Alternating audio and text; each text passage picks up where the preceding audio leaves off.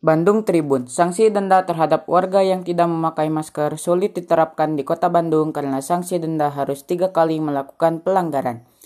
Kami sulit memantau warga yang sudah tiga kali melakukan pelanggaran karena tidak ada buktinya, ujar Sekretaris Dinas Satuan Polisi Pamong Praja Satpol PP Kota Bandung, Selamat Agus Priyono di Balai Kota Bandung, Kamis. Agus mengatakan untuk sementara ini lebih efektif menyatukan sanksi sosial kepada warga yang tidak memakai masker Penerapan sanksi itu, kata Agus, juga harus bertahap. Tahap pertama itu teguran lisan, teguran tertulis, itu sanksi ringan. Sanksi kategori sedang itu jaminan kartu identitas, kemudian pengumuman secara terbuka atau kerja sosial. Jika ada yang kena razia tidak pakai masker, itu bisa kena sanksi kategori sedang seperti membersihkan sarana fasilitas umum.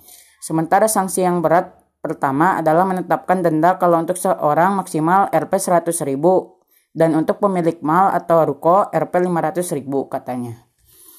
Sanksi yang lebih berat adalah rekomendasi pencabutan izin sementara, pembukuan us izin usaha, dan yang paling berat lagi adalah penutupan atau pembekuan tempat usaha. Itu yang paling signifikan dari peraturan wali kota. Agus mengatakan sampai kemarin belum ada sanksi sosial apalagi sanksi denda karena masih tahap sosialisasi selama 15 hari. Satpol terus melakukan sosialisasi di tempat keramaian seperti di pasar tradisional, pasar modern, terminal, stasiun, dan kerumunan orang, ujar Agus. Ia mengingatkan warga agar selalu pakai masker bukan karena takut denda tapi untuk kesehatan. Di tempat yang sama, Kepala Satpol PP Kota Bandung Rasdian Setiadi mengatakan lo lokasi sosialisasi pertama penggunaan masker ini baru di kantor pemerintah Kota Bandung.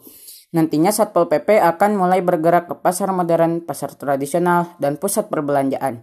Dalam perwal juga sudah diatur sasarannya ada tempat-tempat yang harus kami laksanakan monitoring seperti pasar modern, tradisional, pusat perbelanjaan, terminal, stasiun yang memungkinkan di situ ada tempat-tempat kerumunan orang, ujar Rasdian.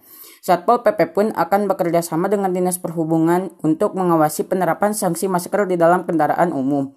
Razia masker yang digelar di kawasan Balai Kota kemarin tidak ada yang melanggar. Semua orang yang berada di Balai Kota mengenakan masker.